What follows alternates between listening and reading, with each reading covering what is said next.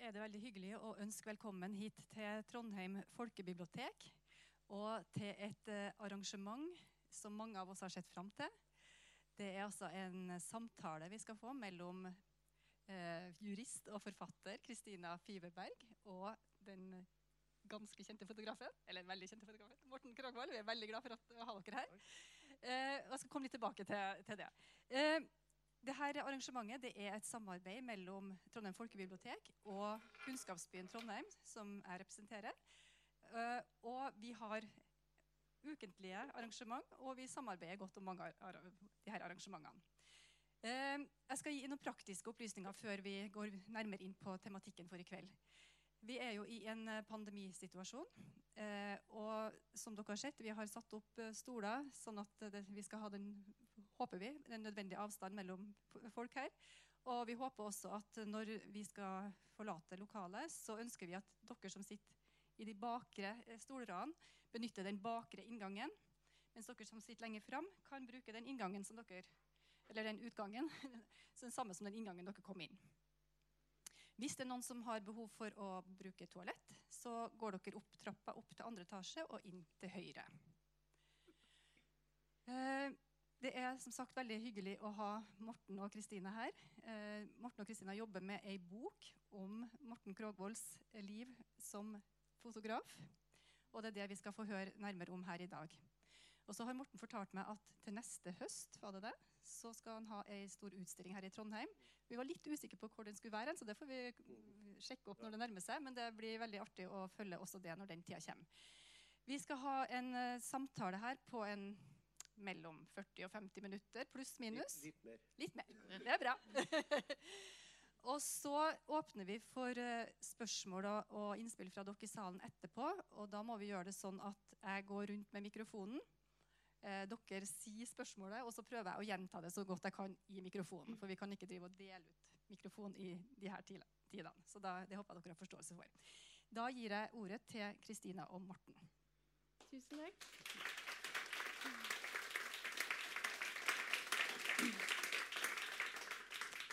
Tusen takk. Det er veldig hyggelig å være her i denne nydelige, vakre byen Trondheim. Eh, det er så hyggelig å se dere. Og dette er første gangen vi snakker offentlig om dette bokprosjektet vårt, så det er uh, veldig spennende. Alle kan reddes av kunsten. Det er uh, tittelen på denne, dette arrangementet. Og hva vi egentlig mener med det, det kommer vi vel forhåpentligvis litt sånn uh, innpå og frem til uh, etter hvert. Men dere kan tenke litt på hver for dere hva kunst betyr for dere mens vi snakker. Um, ja, vi jobber da, som ble sagt her, med en bok. Og, som er uh, med Mortens kunst og hans liv og filosofi, vil jeg si. Morten, du er jo en ekte kunstner. Um, og du bruker også mye tid på å formidle andres kunst. Så jeg lurte på om du kunne starte med å si litt mer om alt det spennende som du har gjort. Ja, ja, det er så vanskelig å remse opp hva man holder på med. Men jeg har jo, jeg har jo på tross av Og det er jo det som er tittelen her. På tross av eh, en relativt dårlig start så er jeg jo stilt ut i over 20 land og underviser i par og 20 land. Og gjort 23 bøker. Eh, masse TV-produksjoner, teaterproduksjoner. Og det var jo at eh, Jeg tror jo jeg underviser jo i kunsthistorie, og det er sikkert noen av dere som kan kunsthistorie her. Så er det jo ikke et eksempel som jeg vet om hvor ikke de som har fått det til, har gått virkelig på trynet. Altså virkelig. Altså virkelig. Og det gjelder hele gjengen. Nå snakker jeg om de gode, da. Og For vi snakker ikke om dilettanter, for da trenger du ikke å ha gjort noen ting. Men eh, så jeg har jeg har vi av uh, det at jeg ikke kunne lese før jeg var ti år, og bak hata hvert sekund på skolen, så kom da denne kunsten som en redningsplanke. Og da har jeg grepet den. Og jeg tror kunst handler veldig mye om for, for, noen år siden så ble jeg bedt om å holde et foredrag i Oslo konserthus for hva de kalte det, sensibilitet eller et eller annet sånt. som da var en sykdom, tydeligvis. Og det var 1500 pasienter der. Og masse amerikanere som hadde skrevet en bok om hvor forferdelig det var. Så kom jeg til slutt. Og jeg da priset jeg altså, at man er høysensitiv, kalte det det. At man er høysensitiv. Og det må, må jo en kunstner være. Jeg, jeg har nemlig nå opplevd den siste sommerdagen, nemlig i Trondheim. Det helt fantastisk. Jeg har sittet ute og tatt lunsj. Men i det øyeblikket jeg kom dit, så måtte jeg flytte meg pga. den musikken. For jeg, jeg, tar det med en gang, men det var ingen andre som hørte den musikken. Så, så, jeg tror jeg har hatt den, den, fra jeg var barn. Men det kan vi jo komme innom. Men jeg har altså jeg jobber jo hele tiden og, og leverer utstillinger og bøker og, og ting non stop. Og er daglig i kontakt med, med mitt kjernestoff hver eneste dag. Uh, så jeg er aldri skrudd av, kan du si. Det var et veldig dårlig svar, men jeg kan ikke begynne å ramse opp alt jeg har gjort. Nei, nei. Ting, vi kommer tilbake til ja, det. Ok, Men ja. du var inne på det. Begynnelsen. Eh, barndommen. Ja. Jeg, eh, jeg, er veldig glad i det bildet her. Ja. Det vet du jo. Mm. Jeg syns det er et så nydelig eh, bilde på hvordan det er å være mor. Mm. Og den eh, Du ser det båndet mellom mor og barnet. Det lille smilet. Det er så vakkert. Og for meg så er barndom et viktig tema i det jeg mm. skriver og det jeg jobber med. Mm. Hvordan det preger oss resten av livet. Og det jo, har du virkelig gjort for deg, Morten. Så kan ikke du fortelle litt? Du var så vidt innom det. Eh, men, altså, Barndomsopplevelser er uopprettelig, det. Eh, nærmest. Mm. Altså, for det er eh, Dikteren Stein Meren Jeg kommer til å snakke litt om litteratur, siden vi er nå på mitt favorittsted for biblioteker. Mm. Det er fantastisk liksom, med bøker. Jeg spiser bøker. Eh, og Stein Meren, som døde for to-tre år siden, han var forresten Jeg kjenner jo folk Nå er det litt ukorrekt å si det, da, men jeg kjenner jo folk i Svenske Akademien. Eh, og de har jo sagt at Stein Meren var jo på bordet som nobelprisvinner i 2011. Da fikk Thomas Tranströmer det. Eh, og det så hadde Stein fått den. Og Stein sier at uh, kunst handler om å ha en is... Altså han sier ut fra gammel gresk tenkning at hodet er voksenverden. Halsen er ungdommen, og barndommen er hele kroppen. Og det gjelder å kunne hente, ha en isfri råk og hente ikke nødvendigvis opplevelser, men inntrykk fra barndommen uten hindring opp og bearbeide det som voksen. Som Pablo Picasso sa. Uh, se som et barn og mal som en voksen, men se som et barn. Hold. Og, for det er der alt formes. Det er jo der alt funker. Og jeg ble jo da jeg kom fra et helt uh, usedvanlig vellykket hjem. Jeg, altså, jeg hadde foreldre og brødre som var helt outstanding. Med et miljø rundt meg. Men da jeg var syv år, så ble jeg lagt inn på sykehuset for noe som heter calvé leg pertis. Som er hofteskålen som blir bløt, så, så, jeg kan ikke gå. Og der lå jeg i to og et halvt år på maven uh, uten skolegang. Og på et sykehus som Ekko på P2 hadde jo et program i fjor som het 'Hvordan det var å ligge på sykehus på 50-tallet'. Og det hadde jo ikke noe med dette å gjøre. Det var Charles Dickens vi snakker om. Hvis jeg ikke spiste opp uh, spekesild, så ble det kjørt ned og låst inn i kjelleren på natta. Sånn. Det var liksom helt Og det, det at jeg ikke da hadde skolegang, mm.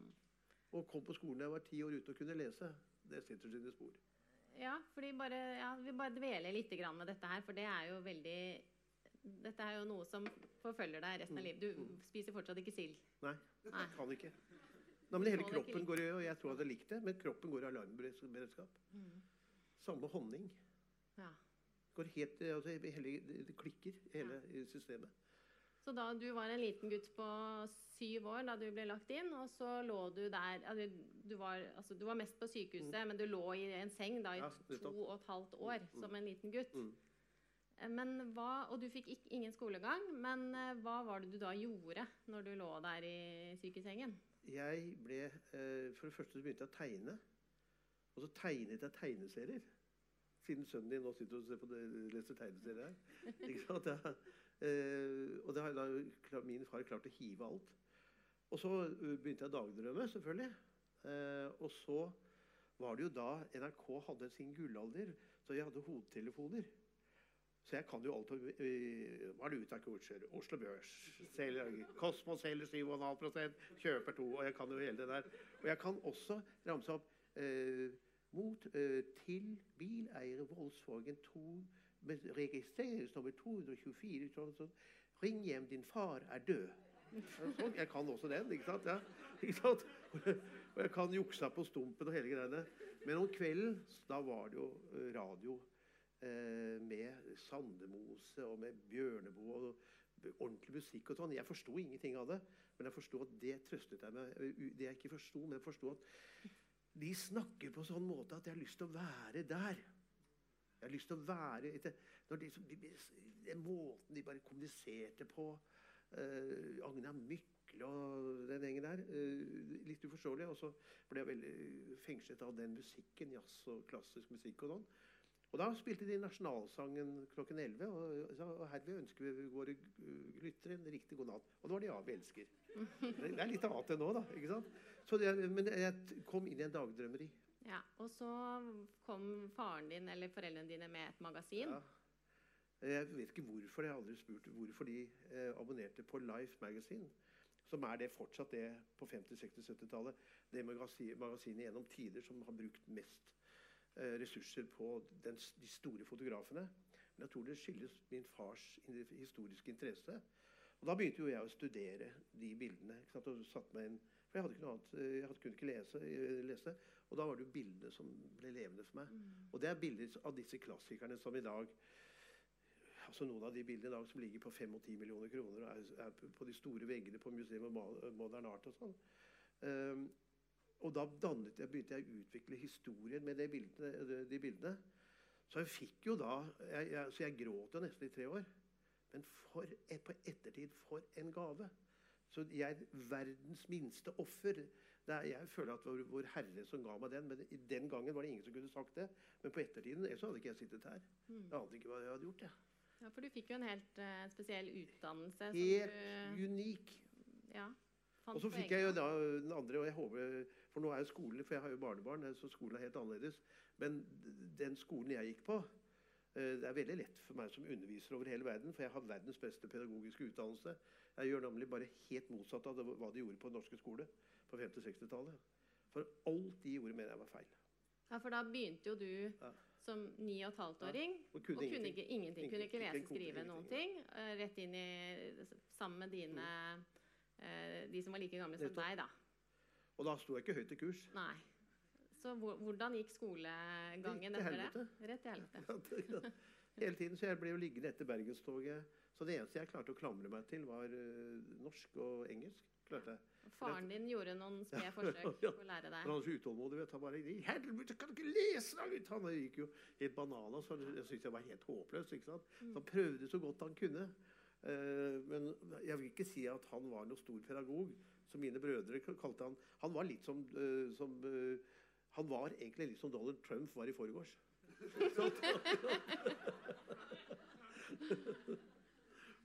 ja. Men ja, for Han hadde en slags spådom over hvordan du kom til å ende opp? Ja, for Far, far var født i 1907. Det er lenge siden. Både rett året etter Ibsen døde. Og i, da hadde jo Bjørnson ti år igjen, så det er lenge siden. altså. Og han eh, kom 30-tallet. Eh, han fikk jo ødelagt hele sin utdannelse på eh, første verdenskrig først. og så, Vi skal ikke glemme det. vet du. At de kunstnerne gjennom hele 20. århundre Europa har stått i brann. Vi, vi, har nå syv måneder, og så må noen gå ut der og noen gå ut der. Det, det fins jo ikke Og vi har faktisk nesten ikke smitte i Norge i det hele tatt. Og så må jo noen ha hjemmekontor, og så går vi og drikker god rødvin. og sånn. Altså, dette må vi fikse. Nå er det vår tur for første gang. Og far ble jo uh, sto i lange køer for å få en viseguttjobb i 1933, når krakket kom. Så han ble helt hysterisk, for han ville nemlig at Hør nå, hun er advokat. Han ville at jeg skulle bli advokat eller lege med fire e-er. Så han var helt sikker på da, at jeg skulle A. Eh, havne under bruene. B. Eh, bli bryggesjauer. Eller C. Det eksisterer jo ikke det lenger, det. For nå heter det renholdsarbeidet. men han trodde at jeg eventuelt kunne bli gatefeier. Det var hans visjoner, så han var helt knust. Så han sendte meg på handelsskolen. Eh, da jeg var 16 og da var jeg forut for, for, sin tid. For jeg innførte først lørdagsfri, og så fredagsfri. og så torsdagsfri. ja, så, så jeg, jeg hadde ikke, og så, så jeg var helt ute. Men så oppdaget du kunsten. Og hva skjedde da? For jeg fikk da, øh, så jeg hadde begynt å fotografere litt sånn på sånn superamatørnivå. Mine brødre hadde mørkerom, og øh, jeg mestra det. altså sånn at Jeg klarte i hvert fall å fremkalle film og sånn. Og da eh, søkte jeg jobb eh, på Statens filmsentral, som nå er Norsk eh, filminstitutt. Og det var da i, hvor vi pakket og sendte film, film og billedband til, til skolene. Var sånn, og her ser vi en, en, buss, og, og her ser vi en hesten, og hesten må vike plass for bussen. Dunk! Og, og det gikk på riksnettet, vet du. De kjørte bildebånd fra 11 til 12 på riksnettet på NRK1, for det hadde jo bare én kanal. Og så ingen andre hadde bilder enn de som Og så sa det pling! Og her ser vi fra Røykjavik utsikten. Pling! Og så kom det bilde på riksnettet. Så jeg holdt på med det, men jeg tenkte at de hadde en fotoavdeling. Så hvis kanskje jeg fikk den sjansen, og det fikk jeg etter et år. Og den serva jo og også, Som jeg sa i sommer i P2, øh, så var jo, da var jo popmusikken eh, inne. Og så var det en øh, Jeg gikk på Hegdehaugen skole på, i Oslo, en litt snobbeskole. Og da var det en filosof, Rolf Wese, som sa du kan ikke holde på med den der popmusikken din. når du- Da var jeg 16-17 år. Låner, låner Eroica-symfonien av Beethoven. Og da gikk hele sikkerhetsskapet mitt. Da satte meg ned der og hørte det der alvoret og den ø, erobringen av rommet som Beethoven hadde der. Så tenkte jeg nå er jeg inne i en ny verden. Altså dette bare øh, Ja, jeg beholder Dylan og jeg beholder Leonard Cohen og et par andre. Og så, øh, Men her er det noe annet.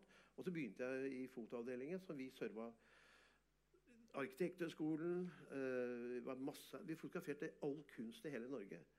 Jeg har tilbrakt mange dager inne i Nidarosdomen og gjort nattopptak for 35 år siden.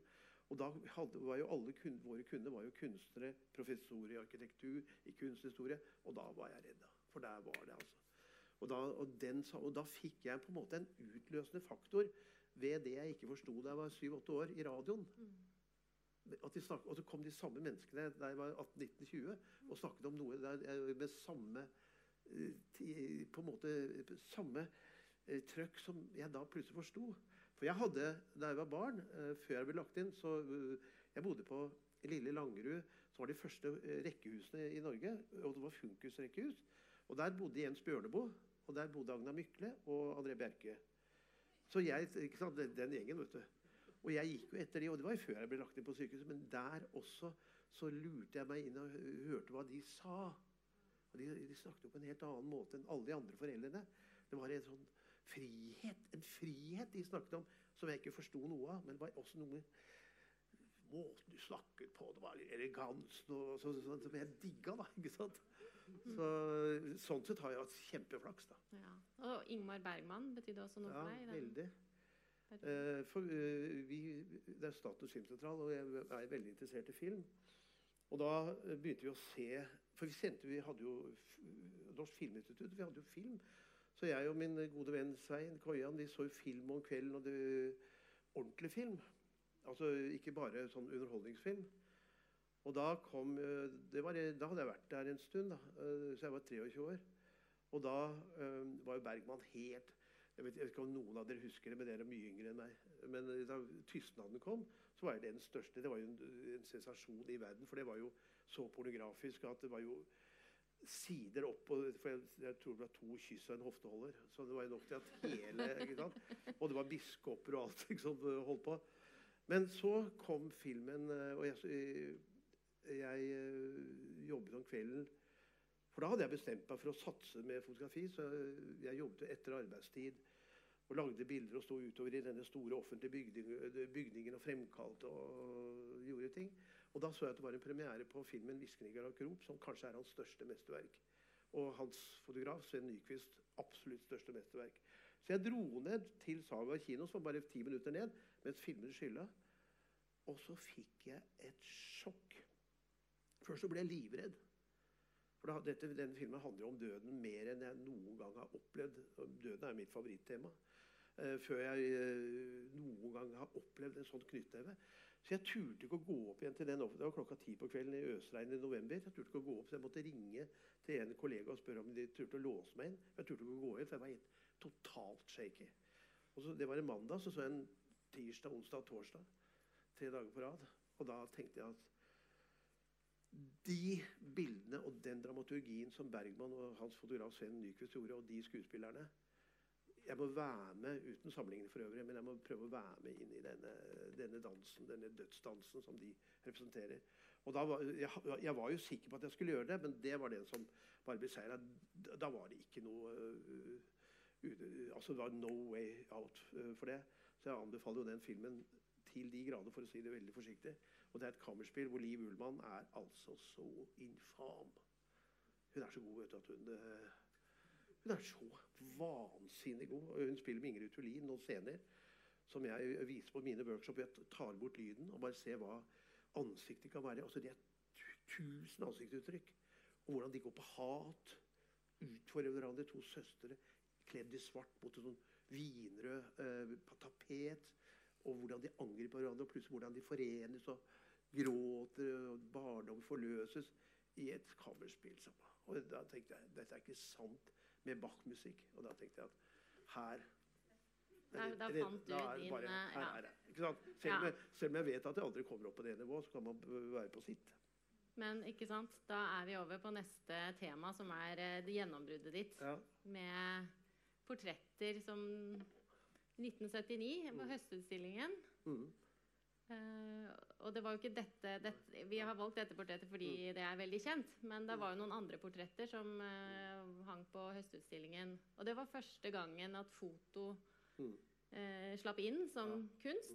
på Kåre Kiwi og jeg hadde tatt to, hatt to bilder 73, men da ble noen fotografer invitert. Ja. Og det slo jo ut. Det slo ut Da sa jo Odd Nerdrum og Frans Widerberg og disse sa at nå er vi, på, nå er vi ille ute. For det var jo fotografiet som fikk jo enorm attention, og jeg fikk mest. Jeg fikk en enorm attention. jeg husker. Det, men det er, det er sånne blaff som Det er ikke så mange oppturer man får. For stort sett så er man jo usikker og nervebunt altså, i forhold til prestasjon. Men jeg husker Da jeg ble intervjuet på Dagsrevyen først, så så de kong Olav som åpna. Han skjønte jo ingenting, selvfølgelig, for han var ikke akkurat kunstner. Men han holdt jo sin tale, da. Og så intervjuet de meg etterpå. Og da ringte jeg hjem til mor og far og sa at jeg kom på Dagsrevyen.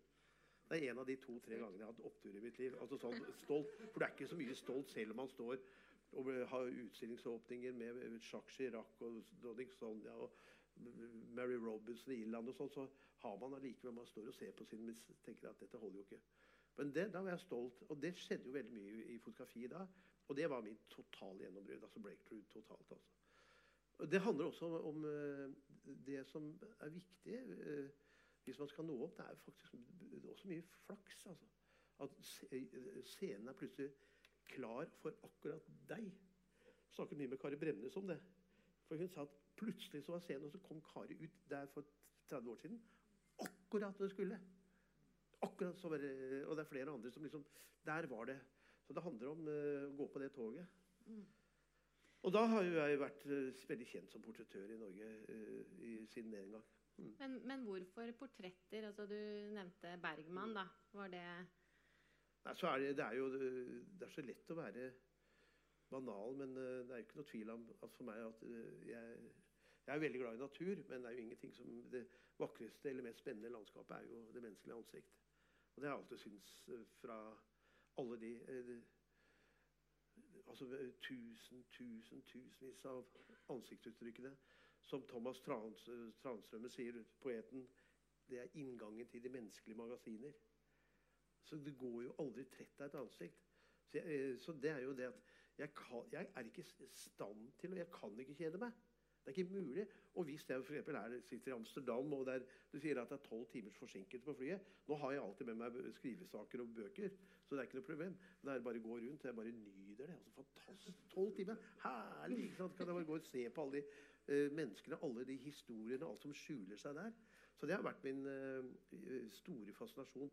Selv om det er litt misforstått at det er portrettør jeg er. For det er jeg ikke. Mm. Eh, det, er, det gjør vel kanskje 35% av det jeg holder på med, er eh, ansikter.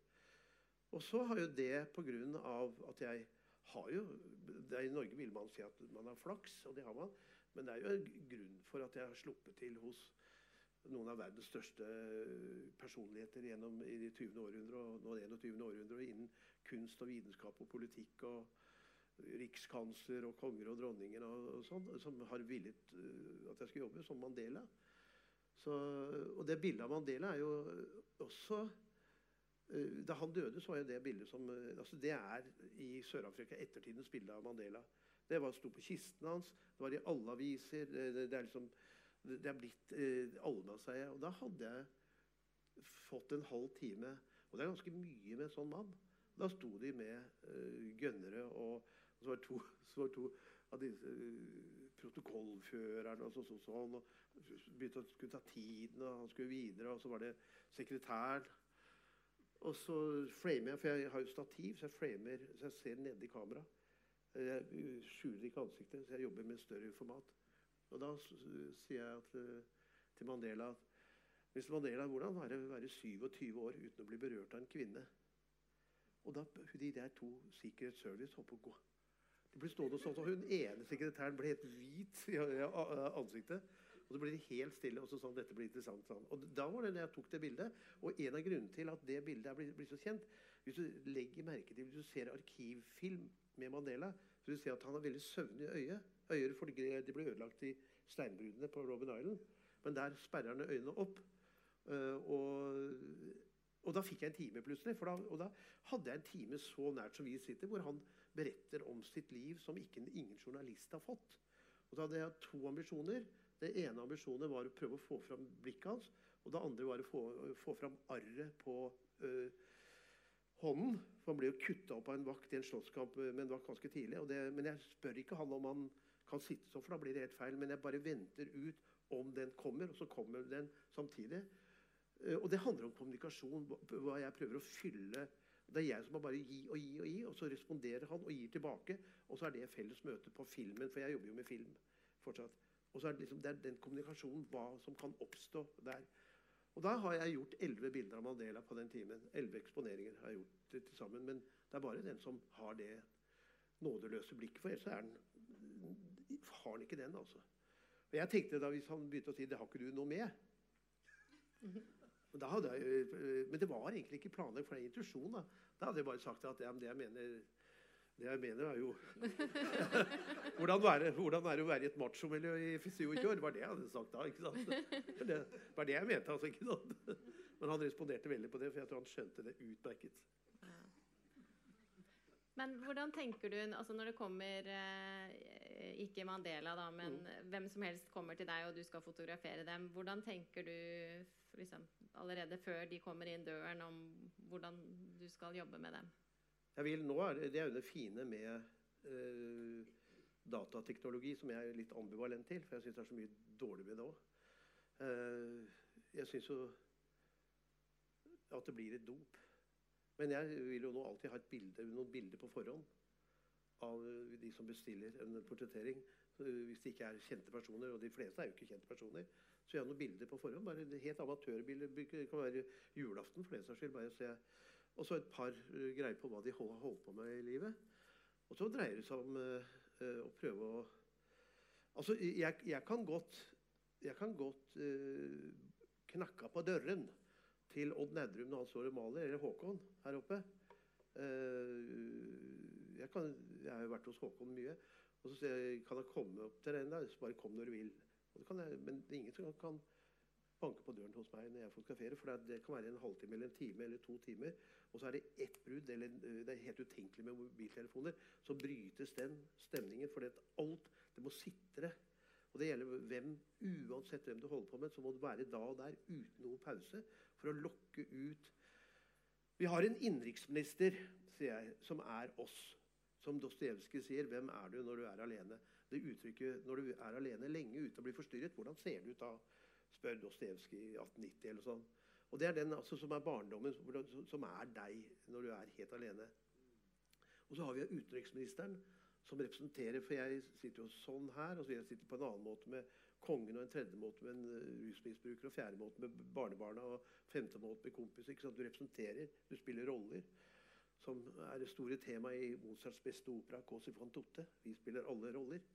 Eh, og de prøver å få den rollen bort, og så gå inn og avvæpne eh, den mimikken som ikke er deg selv, og prøve å trenge inn eh, i et mot dette magasinet, menneskelige magasinet. Og det kan du ikke gjøre eh, uten å bare bore og bore og bore og prøve å få fram en sårbarhet. Og ta bort den profesjonelle minen. Så det kan ligge et bilde som selvsagt uten sammenligning for øvrig, eh, som er mystikken rundt eh, Leonardo da Vincis eh, en ting er- Det er jo ikke bare Mona Lisa. Det er ikke sikkert at det er hans beste bilde. Eh, men Rafael og hele, hele gjengen opp til Bleken det er jo det at de klarer å avvæpne at portrettene, kullportrettene til Bleken er helt sanseløse. For det du lurer på, liksom, Du tar bort tryggheten og går inn på en tidløshet. Så prøver, alle dere sitter jo inne med en hemmelighet og historier som ikke jeg aner noe om. Og alle dere kunne bare sittet her, kunne jeg sittet der. Vi kan bare skifte. Ikke sant?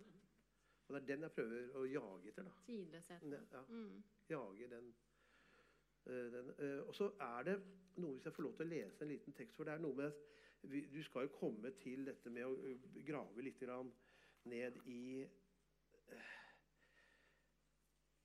Altså, det er jo sorgen, eller melankolien, som er hele kunstens vesen. Det er der alt starter. Og jeg sier at det største Melankoli betyr svart galle.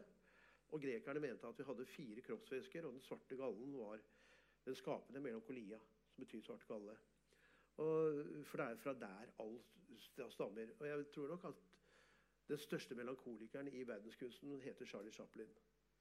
Og nummer to er Buster Keaton. Så det handler aller minst om fravær av humor. Men de starter nede. altså Chaplin-filmen er ikke til å holde ut. Du ler deg i hjel. Men så kommer disse, den blinde blomsterselgersken. Og så, og så den lille landstryke gutten som går altså, Du sitter sånn. Men jeg tenker på at Kolbein Falkheim, som jeg har vært, hatt mye med å gjøre, dikteren Kolbein, han mistet eh, Det er veldig interessant, dette, for han mistet eh, Både han og Rolf Jacobsen, de, de, de to mest solgte diktsamlingene i Norge, er 'Nattåpen' av Rolf Jacobsen, som skrev det til, sin, eh, til Petra, sin avdøde hustru. Og så er det Kolbein som mistet Helga eh, i selvmord. Og da tror eller Så sier eh, Gud bedre å oppleve det, for det kan ikke være noe verre. Og da sier han, da kommer jo selvransakelsen, da. Hva har jeg gjort feil? Altså Begynner foreldrene å blame seg. Hva er det jeg kan ha gjort feil? Og så kommer han tilbake, og så husker han at da hun var 14, eh, så har han tatt et bilde 17. mai. Og så eh, Barnetoget i Haugesund ferdig, og så han skal alle grille i haven og sånn. Og så sier han bare gå hjem til mamma, og så går han rundt hjørnet og tar noen øl med kompiser og lar hun gå hjem aleine. Og så kommer det som en sånn rambukk etter hun er død, lang, lenge etter hun er død. Og så skriver han, og jeg, Da vi lagde TV med han for NRK, så ser jeg at han har hengt det bildet sånn at du ser det i hele første etasje. Alle i speil og sånne ting. Du slipper ikke unna det bildet. Som han tok med et amatørkamera da hun var 14,5 år, 17. mai, med en ny bunad. Og han slipper ikke unna, vet du, for så skriver han her Fotografiet jeg har hengt det slik at jeg ikke kan unngå å se det. En bør som bare blir tyngre for hvert år. Nesten ikke til å bære nå i de siste motbakkene mine. Jeg har hengt det akkurat der for ikke å glemme den siden av meg selv som jeg aldri kan gå utenom. Litt svovel på øyelinsen som skal svi og svi, etse uopphørlig. Jeg ville til slik. Hva snakker jeg om? Deg. Du i den nye bunaden din, fotografert i gatekanten den fjerne 17. mai-dagen. Det keitete smilet ditt, armene langs siden som om du ikke vet hvor du skal gjøre av dem. Dine 14 og et halvt år, så forlot jeg deg der, alene. Slik du står på fotografiet blant fremmede forlot deg for å møte noen andre, helt uvedkommende, i en annen gate. Alt uvesentlig mot deg som jeg uten betenkning etterlot alene. Du som ikke er mer, så heng der i fotografiet på veggen. Vær et brennglass som samler, ikke solstråler, men all min skyld mot ett punkt på min egen sjel så det ryker og svir. Jeg vil det slik, akkurat slik, at det skal verke som en helt utilgjengelig, moden og bankende svull i meg resten av livet.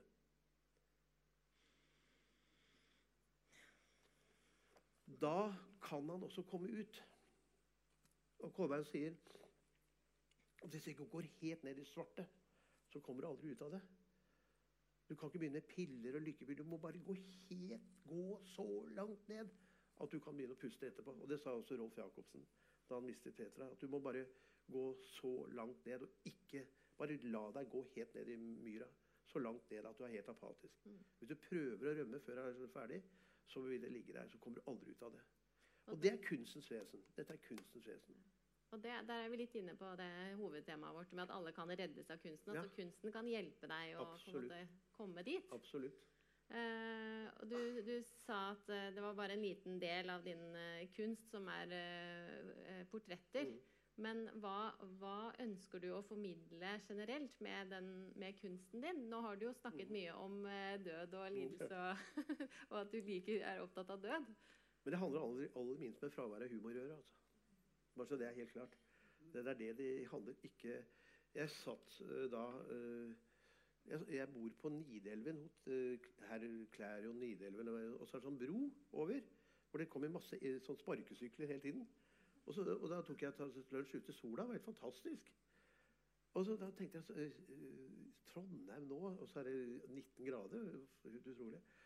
Men øh, jeg vil ikke, det er ikke det er jo, jeg vil jo, Byen er jo mye vakrere hvis, i november når det er tåke. Bildemessig. Men, er, men det påvirker at man blir, mye gladere sånn med en gang. Men det er jo det er ikke noe interessant bildemessig. For det, det ligger ikke noen klang av noe mer i dette. Og øh, altså Jeg har elleve år igjen å leve hvis jeg har gjennomsnitten elleve år. Og det er altså øh, ti år siden hvert øyeblikk siden Utøya. Det er ikke lenge altså, siden Utøya, altså. Bare så det er klart. Og da er det klart at det må forholde seg til Det kan hende at jeg lever kortere, og det kan hende at jeg lever mye lengre, men det er, det er statistikken. Og da er man jo opptatt av den, fordi det er den som kunsten kommer fra. En gang, skriver Per Lagerkvist i 1953, da han fikk Nobelprisen i litteratur, en gang skal du være en som har levet for lenge siden. Alt er mitt, men alt er gitt oss på lån. Og alt skal tas fra deg. Alt opparbeidet sånn. Og her eh, er Rosalia Lombardo. Hun eh, er akkurat 100 år nå i år. Og hun døde da hun var to år gammel og ligger i en krypt i Palermo, i Cappuccino-grotten i Palermo. Og det de, uh, munken sa at i 1920, da hun døde, så har, eh, og det var pest i Palermo, så har sjefsmunken skrevet at faren, som var lege, døde to dager etter, også i pest. Men i det øyeblikket eh, hun var død, så fikk hun en, sprøyte som de ikke vet hva er. Og hun er helt bevart. Og den kista er full av hull.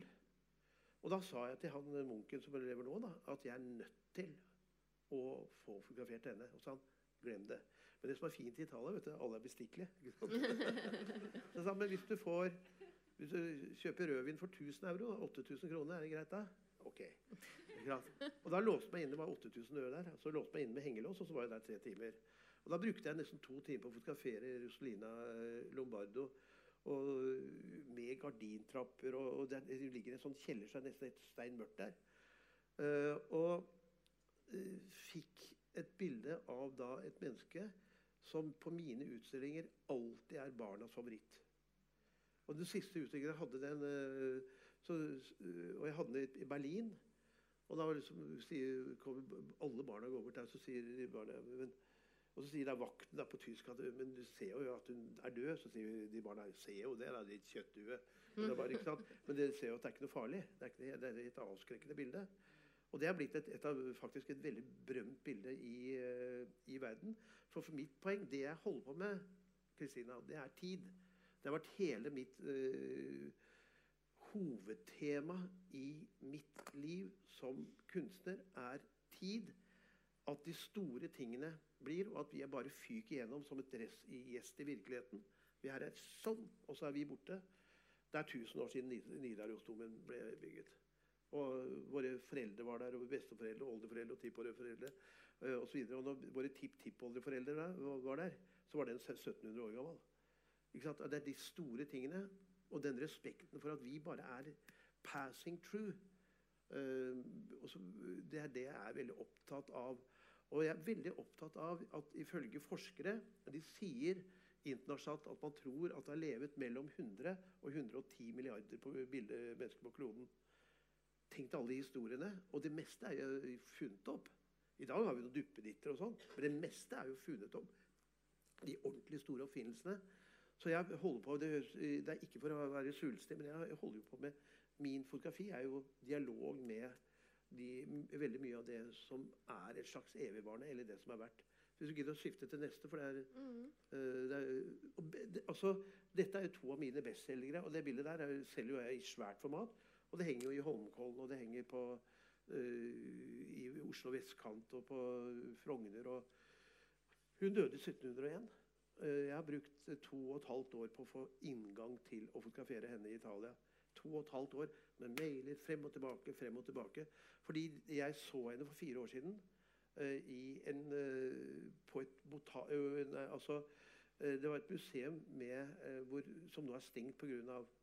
folk ikke kan oppføre seg. Og de mobiltelefonene og sånn. Så En anatomisk museum i Firenze. Hvor Leonardo og disse gutta holdt på sant? Leonardo dissekerte 43 lik fra 1510 til 1513. 11 000 anatomiske tegninger som eies av dronning Elisabeth. For øvrig. Sto helt fantastisk. Og når jeg så henne eh, For det, det var masse døde som lå der i, i sånn lake og formalin og hva det gjør. det. Så var ikke jeg noe interessert i noen av dem, men interessert i henne. For det første så har hun dette skautet, som er fra 1701. Og for det andre så ser nesten hun ut som hun har vært eh, akkurat ferdig med en elskov. Hun ser nesten ut som en orgasmisk. Altså nydelse. Ny, hun ser ut som hun har en nydig. Og så da dette at hun er skåret opp som Tove Nilsen. Kjøp boka til Tove nå. Den er geniforklart. Alt er skrevet fra Trondheim. Hun har fått terningkast seks i alle aviser. Og i Aftenposten sto det at allerede på side fire så fikk vi gåsehud. Og hele handlingen er herfra. Bare nevner det. Apropos. Bestevenninnen, da. Ja. Men hun har eh, døpt, det, hun har døpt eh, dette bildet for den åpne kvinnen. Og italienerne vet jo hva hun heter, kan hele historien hennes. Men det er jo en, slags skjønnhet hvis vi ikke engang skal orke å tåle hvordan vi ser ut bak denne centimeteren. Så er det jo, da løper vi for livet, altså. For vi kommer ikke unnom. Gå i, ikke utenom uh, Bergen. ikke sant? Vi kommer ikke utenom dette her. Så jeg har et helt utmerket forhold til den delen av kunsten som igjen, siden jeg er i Trondheim, som eh, kanskje den som jobber mest med det i, i Norge, er jo Håkon Bleken. Han er jo helt nådeløs, men han, eh, han kaller jo, eh, kaller jo den, en av utstillingene sine for 'dødsfordriv'. Er det fantastisk? Den heter 'Dødsfordriv'. Digger, altså. Og den siste som var på Høvikollen, var 'Range, range into the night of the dying of the light'. Altså raseri mot døden. Han er 91 år. Han raser mot døden. Altså han er forbanna som bare det. ikke sant? Men du slipper ikke unna. Og da, Hvorfor ikke da behandle det temaet som er det eneste som er sikre, og prøve å gjøre det estetisk? Ja, bra, Morten. Da kommer vi litt inn på neste tema, Ja. som eh, eh, Litt mer sånn hva er kunst, Mm. og hvorfor er det viktig for oss? Og da nevnte du dette med dødsfordriv. Og du har sagt at kunst er dødsfordriv. Mm. Ikke tidsfordriv, men dødsfordriv. Eh, Eller du Mm. siterte vel, eh, vel ham, da. Ja. Mm. Men eh, altså, det kunsten gjør, er jo å justere vanene. For det er veldig mange som tenker at, eh, som tror, som tenker at jo, dette er pent, og dette er ikke pent. Men, eh, eller dette er vakkert, og dette er ikke vakkert. Og så man, har man ikke justert dette på 50 år, eller 30 år. Men hva er vakkert? Eh, Klisjévakkert. Eh, det handler om Jeg noterte en liten ting under min lunsj som handler om dette her med med Altså Du utvider skjønnhetsbegrepet. Og når du utvikler skjønnhetsbegrepet, så vil du eh, skape en høyere livskvalitet, for du ser mye mer. For noe av det viktigste i kunsten, som Picasso, som er den største kunstneren verden har sett, var ekspert på, det er jo destruksjonen. Altså destruere. Penhet er kunstens verste fiende. Penhet er det katastrofe innen kunsten. Skjønnhet er noe helt annet. Jeg er kunstens venn. For skjønnhet er også profilert mot destruksjonen. Den stygge andungen. Eh, noe av det vakreste som er gjort i verden, er slakten til eh, Rembrandt. Francis Bacons for, rygger. Som nå eh, selvfølgelig Erna Solberg burde ha kjøpt, så solgte Austroferne det ut for 1 milliard.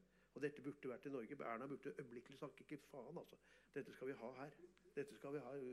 Og det er et av verdens vakreste bilder. som var, De bare går ut og, og tror at våren er, det, er, våren er pen, men høsten er vakker.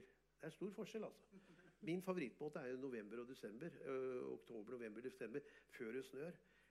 Det rå Hamsun, svarte Islands Selladro, hvor det ligger forventningen.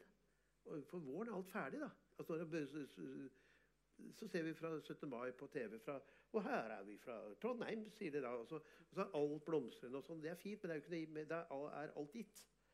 Mens det er, det er jo forventningen det man ikke får. Forvent, forvent, hør nå.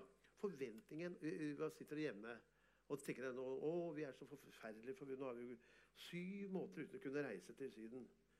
Og så sitter vi med reisebrosjyrer eller sitter på nettet. Men når vi kommer, så går vi av flyet på en eller annen Las Palmas, eller om det er hvor det er i Hawaii. da. Og så først så ser vi at den flyplassen var ikke noe pen. Og så er det noen sånn gravearbeider, og så får vi myggstikk. Og så må vi vente tre kvarter på bagasjen. Og så er det sjåføren prøver å lure oss. Og så, så kommer vi inn, og så, og så har vi litt mavesyke. Ingenting av dette står. Og så kommer vi ned, og så er klokka litt øh, Så vi bare tar en middag rundt hjørnet, og så er det jævla dårlig. ikke sant? Og da har vi begynt den første dagen. Og så begynner dagen etter. Så, og så er egentlig det, det var mye kulere å lese den brosjyra. Og så er det fint å være der. ikke sant? Så blir du solbrent, og så krangler du med kona. Og så, ikke sant? Og så skal plutselig ha med barna skrive dem på sånn lekeland. Da. Det, er, det er like ille som å være på foreldremøte. ikke sant? Så, ikke sant? så det er jo svartedauden. Så, så forventningen er ofte mye mer interessant, altså. Og kunst handler om forventning og ikke gjøre ting ferdig. Som gjør, for det er dere som skal gjøre ting ferdig egentlig, når dere ser et kunstverk. så er det publikum. Men da trenger vi noen sånne guiding lines. Vi trenger noen uh, nøkler, og det er jeg ganske god på. For mine utstillinger trekker jo kanskje mest i Norge, faktisk. Jeg har jo rekorder på alt. Jeg, men det kommer at jeg, jeg, respekterer publikum. Så jeg prøver å gi folk nøkler. Og si, åpne opp. For folk er redd for å bli lurt. Kunst er undring, har du også ja, sagt. Absolutt. Meg. absolutt. Mm. Og det bildet der det kan jo aldri tas igjen. Det er derfor det er det, det bildet svinedyrt. For Håkon, kunne Gullvåg og Bleken de kunne jo i prinsippet lagd tolv replikker av det bildet der. Men jeg kan aldri For det første så kommer jeg aldri inn til Emiren av Qatar en gang til. Fortell kort hva som ja. skjedde på det bildet. For jeg er i Qatar og gjør en workshop. Og, jeg, og i denne dødsserien min, eller Rekun-serien min, så, som, jeg, som, er eh, Det er jo skjønnhet jeg er ute etter. Og den hvite hesten er jo det største skjønnhetssymbolet i all litteratur gjennom alle tider. Ibsen ikke minst. Eh, men helt fra gresk mytologi så er jo hvite hest er død, død bringeren Kittelsen i tjernet og helgenene. Og så uh, fikk jeg vite at uh, emiren av Qatar hadde så utrolig flotte hvite hester. Og skulle prøve, å komme inn. Det var jo helt klink umulig. Altså, det var helt og så øh, kjenner jeg da Jens Stoltenberg, som da var statsminister. Så ringte jeg til Jens og sa kan ikke du sende en recommendation-mail. Og da var det greit. Da kom jeg inn. Men øh, det var ikke han, men det kom jeg inn som stallmester. Og så, står jeg, så ser jeg det vakre dyret utenfor. Og det er stallen. vet du, Den er ganske fint. Det er liksom enebolig. sant? eh, og så plutselig, og det er liksom flaksen man har når man holder på så mye. Jeg jobber jo hele tiden. Jeg jobber ofte to, tre, fire om natta. Og så plutselig så kommer det lyset, og så roper jeg på han salmester Vær så snill å få den, den, inn nå! Og jeg har satt opp på stativ, og så kommer den hesten akkurat inn. Og så roper jeg til han at ikke slipp armen. Fordi at den armen jo, den svarte armen er, skal jo nettopp være døden for meg. da. Ikke slipp den. Og jeg tar tre eksponeringer, og så er den hesten så grei at den løfter opp hoven. Det gjør hele bildet. Og, og så på den til venstre bakben og høyre forben. Løfter den opp de, og så får jeg det. Der, Og da visste jeg Hvis jeg fått til den, og den filmen, den sydde jeg fast her. Uh, så jeg ikke skulle miste den. Og så, er jeg så livredd for at jeg skulle gjennomlyse den på flyplassen. For den, den svekker litt. Grann. Så jeg sa til han en gang du, du, du kan ikke gjøre dette. her, så og så ga jeg henne 100 dollar, og så kom det, eh, kom det gjennom. Og, jeg og jeg kan aldri ta det på nytt, det lyset. ikke sant? Og nå har jeg en tre av det, og da går de prisene opp til astronomiske. Eh, og jeg kunne jo solgt det til han Emil av Qatar. bare veldig kjapt. Da gjorde jeg vel tabba, altså. For eh, han ville jo gjerne Så sendte jeg det på et sånt lite skissebilde til sekretæreren. Og så sa han men Emil vil gjerne kjøpe det. Altså, Emil er, er så rik at Jon Fredriksen kan puste, puste skoene hans. vet du. De er så sinnssykt rike. Og så sa jeg, tenkte jeg dro til, så jeg skal ha 250 000 for det. Og så fikk jeg da beskjed at nei, han var ikke interessert i det. Og så spurte jeg vel hvorfor det.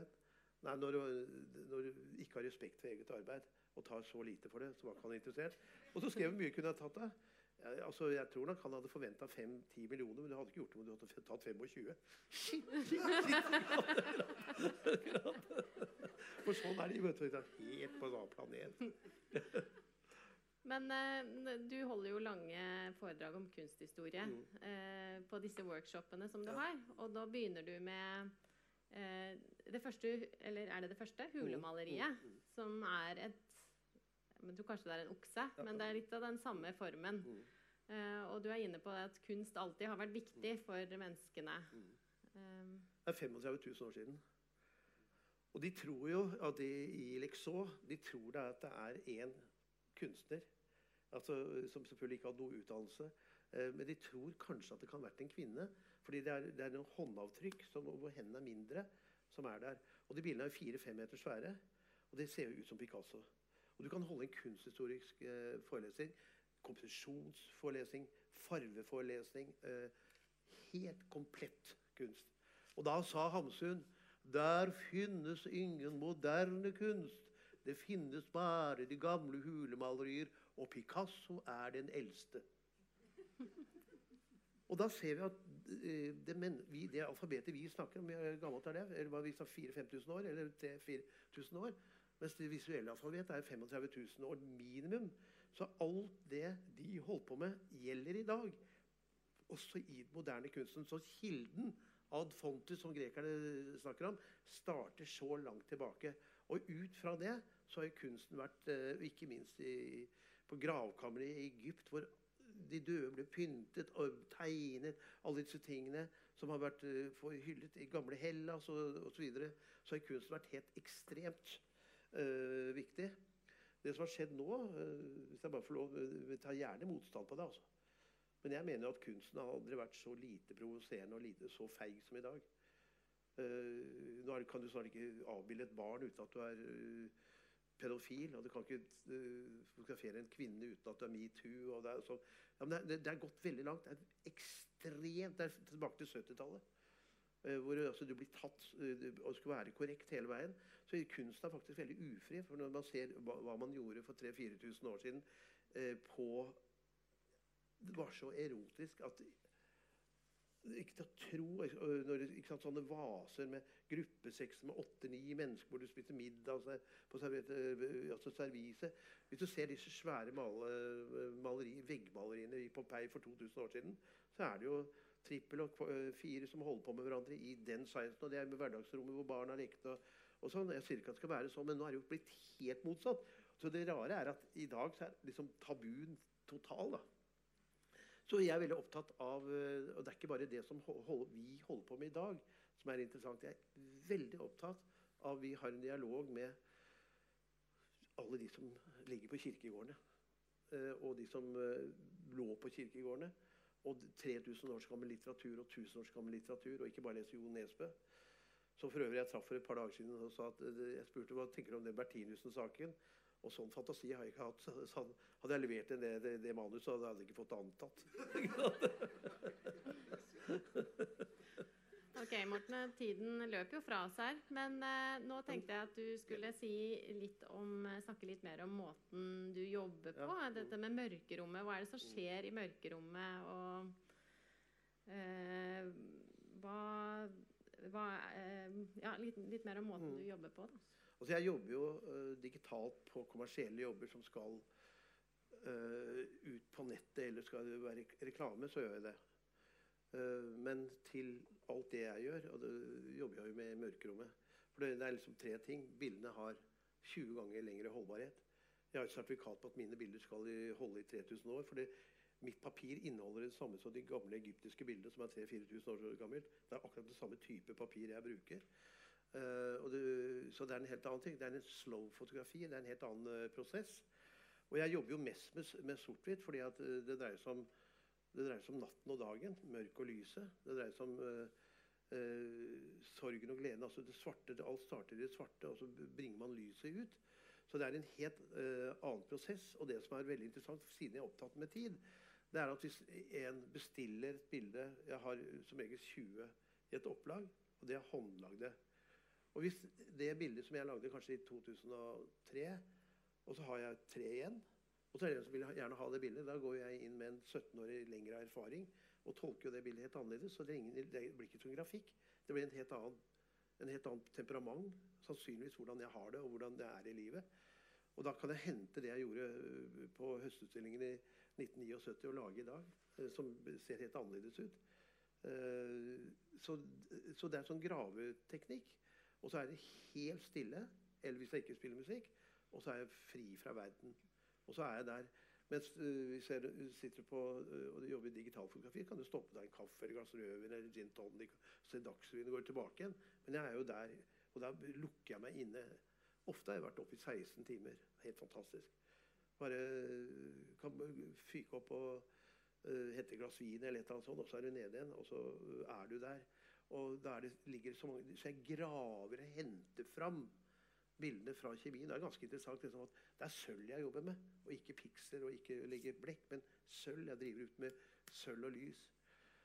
Så det, eh, det og Jeg hadde ikke blitt fotograf i 17-18 år i dag, for det er altfor teknisk nå. For jeg var ute etter alkemi og, og mysteriet. Så jeg har jo et eget rom hvor jeg har ø, flasker med dødningshoder overalt. For jeg jobber jo med etsninger og toninger og ø, sånne som jeg må gjøre ute. Med maske og hele greiene. Da er det greit med maske. Men det er ordentlig maske, da. ikke sant? Uh, og så eh, prøver jeg å jobbe og dette er jo, eh, Jeg har bare lyst til å kommentere det bildet, for dette dreier seg for meg veldig mye om tid. Uh, det er gjort i Niger, som da var verdens fattigste land, i Sahara. Jeg prøver å gjøre det så enkelt som mulig. Og hun hadde aldri sett et hvitt menneske. Hun er tuareg, vandrefolket. Uh, Så møtte vi på disse, og da hadde, da hadde vår sjåfør det var et muslimsk land. Han lå jo på teppet fem ganger om dagen. Klokka fem om morgenen var det Allah og og skulle be. Og så sa jeg til han, siden du bruker så mye ting på å be Vi er jævlig kompiser, da. Kan du be om overskyet vær? For det er sol der hele tiden. Og så han, det går jo ikke an i Sahara, sånn. For Gislefoss i, i Niger han jobber fra 1. juni til 1. juli. Og så setter han på seg, så sier han ses om som 11 måneder, så er det én sol. Så det går ikke an. Det kan ikke alle gjøre. Men kan du be om vind, for da kan liksom vinden blåse opp og filtrere sola. Og han lå klokka fem om morgenen. Allah, vind og vind. Og jeg sa one prayer, one beer. Så gjør meg til en pub, og så skal du be. Og så lå han sånn. Allah, Allah hele tiden. da. Og så sa jeg til deg etter to-tre dager så sa jeg, du får jo ikke dette til. at Du orker å bruke tid på det. Han gidder ikke å høre på deg, jo. Han skulle få det til. Og til fjerde dagen så begynte det å blåse. Så blåste det i ti dager. Jeg fikk bare gullys. Så jeg kjøpte sykkel til sønnen hans, og så året etter skulle jeg tilbake igjen. Og da hadde han begynt å be på forhånd, så han hadde kommet til flyplassen. Flyplassen så blåste det i en uke, så han var sånn. Og jeg bare, måtte si, det er mulig at det konverteres her, jeg skjønner at du holder på. Men hun eh, står der i vinden, og dette bildet heter Uhakika. Uhakika. Og så spurte, eh, for jeg spurte det, i dette stammespråket om de hadde et ord som handlet om eh, familie. Og Uakika betyr følgende med en lang setning. Du er aldri alene hvis du har kontakt med dine familie, forfedre, hundrevis av år tilbake. Så øh, vil du aldri være alene. Da vil du tale øh, at du skal ha kontakt helt bakover. Og det heter jo akika. Du er aldri alene hvis du har kontakt med generasjoner langt bakover. Jeg har litt å lære der. Altså, øh, det er noe veldig vakkert i det. Derfor heter det bildet det. Eh, bak disse bildene så, du, så ligger det ofte tre og fire og fem uker du, eh, med jobbing før du treffer noe. Og så kan du aldri ta det på nytt. Og det er jo fotografiets styrke òg, mener jeg. da. Du kan ikke gå ut og hente det bildet på en gang til. Eh, Og finne disse menneskene som eh, Så det ligger eh, ekstremt mye arbeid eh, i det. Og som med all kunst, da, så er jo 90% av de terningene man kaster, er jo tre. Ikke sant? Det er jo det man jobber jo Jeg står opp hver eneste dag og kjemper mot min egen begrensning. Og jeg tenker, Herregud, altså. Det er ikke mye selvtillit oppe hos Håkon Bleken heller, altså bare, så det er helt klart. Jeg lover deg. Det er ikke det. altså Jeg kjenner Håkon godt. Det er ikke snakk om. altså. Han tenker jo at dette holder jo ikke? For det holder jo ikke. Det er ingenting som holder imot hva man tenker kan holde. Og Derfor er det misunner jeg sånn Ikke akkurat nå, men jeg misunner sånn Petter Northug, som kan si 'jeg vant tolv gull'. Han har, han har vunnet, Men vi har ikke vunnet noe som helst. vi. For at du kan alltid bli bedre og bedre og bedre. Du skal bli bedre og bedre. Og du skal bare drive og drive. Og så møter du det som, så får du 'slap in the face every morning'. Og det er bra. Du skal like den selvpinningen. Og det er jævla digg, da. Noen er digg. Ja.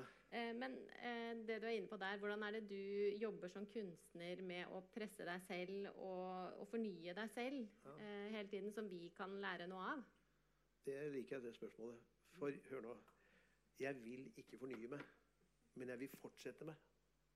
Dessverre har ikke jeg eh, sagt det selv. Jeg skulle gjerne sagt det.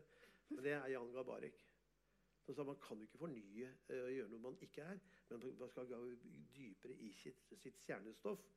Og Da er vi inne på sånn Aksel Sandemos og disse forfatterne som sier at en stor forfatter har aldri mer enn tre temaer gjennom sitt kunstnerskap. Og så angriper du fra alle vinkler. Og det gjelder også billedkunsten. Det er, det er gjerne to, ett, to og tre temaer som du spar og spar, for kan, det, er, det er nok. Eh, Men så er det jo jeg, eh, som du, du har jo vært hjemme hos meg og sett at jeg har mye bøker. Eh, Jeg ofrer mye. Og jeg har Jeg sitter nesten hver kveld, jeg bortsett fra korona, da. Men så reiser jeg 120-30 dager i året. Men det gjør jeg ikke nå. Og så sitter jeg med bøkene mine, og jeg sitter og skriver hver eneste dag i sånne bøker. Så jeg har masse Så jeg har skrevet siden 1996 med fyllepenn hver kveld. Uh, kan være én setning, det tre setninger, hver noe jeg har hørt, noe jeg har lest. Vi glemmer jo det meste. Uh, og det Jeg kom hjem 19. mars. Og da hadde jo Norge vært nedstengt, for vi hadde workshop. så Jeg oppfatta ikke at Norge var stengt. i det. Men vi fikk tillatelse til å holde på til 19. mars, faktisk. Så da jeg kom hjem, var først da jeg skjønte hva som foregikk. Og da jeg, da så jeg på TV tre, dager, nei, tre timer, så tenkte jeg dette gidder jeg ikke. Av, Jeg orker ikke høre de fremtidsprognosene hvor 120 000 nordmenn skulle dø. Det er 260. Uh, og, og da tenkte jeg ok, nå jeg, kan jeg ikke reise på lenge. Så flott! Da må jeg jobbe her. Altså, Begrensningene er jo fotografiets, kunstens store, store venn. Og da tenker jeg, men hva har jeg ikke rundt meg nå? Nå skal jeg lage bilder jeg aldri hadde tenkt å lage. og det holdt på. Så eh, 20. mars så begynte jeg å produsere stoff som er mitt. Som alle kan se er mitt, men det er helt annen motivkrets. Men, men det er med tid. Og da tenker jeg alt jeg har utenfor vinduet, kan jeg like, jeg trenger ikke å dra til noe annet land. i og for seg, selv om jeg holder på med det prosjektet jeg gjør. Så nå blir jo den utstillingen jeg skal, skulle hatt i mai, eh, som nå er utsatt til neste mai, og så kommer den her i august-september neste år, eh, vil jo se helt annerledes ut, og sannsynligvis mye, mye bedre. Men det handler om det dypdykket. Det handler om å skrive nærmest brev til seg selv. Hele tiden holde øye med seg selv, og ikke minst eh, fordi når du skriver, så må det også være veldig viktig, du må være kritisk til egen tenkning. For det er ikke sikkert at den, den statement du holder på med, er egentlig riktig. Det er ikke sikkert det er riktig for deg. Du må justere. Og hvis du begynner å bla tilbake i 2014, og så skriver jeg det samme i 2014 som nå jeg bør jo ha forflytta mine meninger. Grunnholdningen er der. Men jeg må jo se verden på en annen måte i dag enn jeg så for seks-sju år siden. Så du må holde et øye med deg selv. Og så er det, og det er- gjelder nesten alle folk som jobber med bilder, i hvert fall fotografer, de sier at det er jo prosessen er viktigere enn bildene. Altså Bildene må du ha, det er bonusen, men å være i den konsentrasjonen er så fantastisk. Men jeg ofrer veldig mye uh, for det, og jeg tror jo det å utvikle Jeg sa til deg i går om vi kunne snakke litt om det. Altså hvordan bli god. Og jeg tror å, øh, å bli god i noe øh, innen kunst som det er altså Idrett er jo veldig enkelt, for da er det ikke noe valg. Men innen om du jobber med vev, eller om du jobber med musikk, eller om du jobber med fotografi eller maling Det handler, har jeg funnet ut mye mer om hvordan du velger å leve. Jeg syns folk lever drita kjedelig. Altså, jeg, for jeg, men jeg har jo ofra altså Ikke alle folk, men jeg skjønner ikke at i et forhold så skal du hele tiden gå med på så jævla lange kompromisser. At du skal på kjøpesenteret på lørdag, skal du til svigermor på søndag skal holde på. Jeg har sagt nei til sånne ting. Det har kosta meg fire altså Jeg har vært gift to ganger og ikke fått barn med de. Og det er ute. Og så har jeg to barn med to forskjellige kvinner. Eh, og så er det et par andre lange samboerforhold. Men jeg er jo venner med hele gjengen. Men jeg tenkte at ja, dette orker jeg ikke. For jeg bor i kunstnerbolig, jeg har alt hjemme. Så jeg har valgt å bo alene. Så kan jeg heller ha besøk. Så jeg, fordi at jeg er påkobla. Det er ikke så enkelt at du kan liksom ta ferie i tre uker og så, sånn. Jeg kan, ta, jeg kan, ikke ta, ferie fra meg selv. Så jeg, jeg tror det er veldig mye Jeg tror ikke på Nå har jeg fått barn, så da kan jeg ikke få tid. Det er bullshit. Derfor er Karl Ove Knausgård min store helt. Som faktisk har klart å skrive og Han er en av verdens mest berømte forfattere. Han er den mest berømte forfatteren Norge har hatt siden Ibsen. Kanskje Hamsun.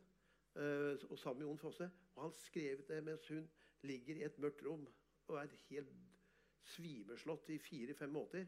Han med tre barn står opp klokka fem og skriver hele de 2900 sidene av Min kamp fra fem om morgenen til sju-åtte. Så er han sammen med barna. Smører matpakke, leverer barna i barnehage, skriver igjen, henter barna. Uh, og klarer å produsere. Det handler om Det må være viktig. Og hvis jeg får lov Jeg gjorde et, uh, gjorde et uh, Sorry. Et av NRK-programmene med Kari Bremnes. Og så sier jeg til Kari 'Hvorfor er du lykkes?' Og så blir hun litt forbanna, og så sier hun 'Du kan ikke si at jeg lykkes', sier hun. Tre TV-kameraer og greier. Og så, men du har jo lykkes uh, til nå. Du er jo blitt et ikon. Nei, jeg har ikke lykkes. Men så men se, i fremmedordboken så kan du slå på Diva, så står det Wenche Foss og Kari Bremnes. Eh? Eh, og Liv Ullmann. Det er det som står der. Og så nekter hun for det. Og så sier, hun og så sier jeg jeg sitter her til i morgen. Altså. Kameraet går. Jeg vil vite hvorfor det har lykkes. Og så sier hun, og der sier hun hele nøkkelpunktet. Morten sier hun, det må være veldig viktig. Det må være så viktig. Og det snakker jeg mye med Tove Nilsen om. At du må være i kontakt hele dagen. Og hva skulle vi gjort altså, hvis vi ikke holdt på med dette her? Skulle sitte og mate endene, da, som gått med pensjon og mate endene og sånn. ikke sant? Det er helt utenkelig for deg. Eh, du ofrer noe, så får du så mye. Og de eventuelt kvinner som skal være på mitt lag, de må være med på den bagen. Og det må også menn i Toves eh, liv være. Hun har jo fått til et forhold faktisk om, eh, hvor dette er helt hvor Erik, min venn som er nå sammen med Tove, han kan ringe til Tove tre timer før julaften og si at jeg går i skauen istedenfor å komme til julemiddag. Så sitter over helt i øynene, men kom litt seinere. Og vice versa. For det er, det er ikke noe, De har ikke barn sammen, så hva er problemet? Men kan, hyggelig, kom litt, skal jeg sette på litt svinestek til deg klokka ti og vice versa. Og Erik sier jeg vil ikke ha noen nye venner. og Tove sier jeg vil jeg heller ikke det. Uh, så de skal Tove til Dag Solstad nyttårsaften, så sier Erik da går jeg i skauen. Så får jeg helt opp senest til første dagen etter. For de har ikke barn sammen. Sånn, da tror jeg på det. Da kan det bli noe ut av det. Ja. Nei, du, du, forteller jo mye om, om kostnadene ved det kunstnerlivet ja, du har valgt. Gjør det.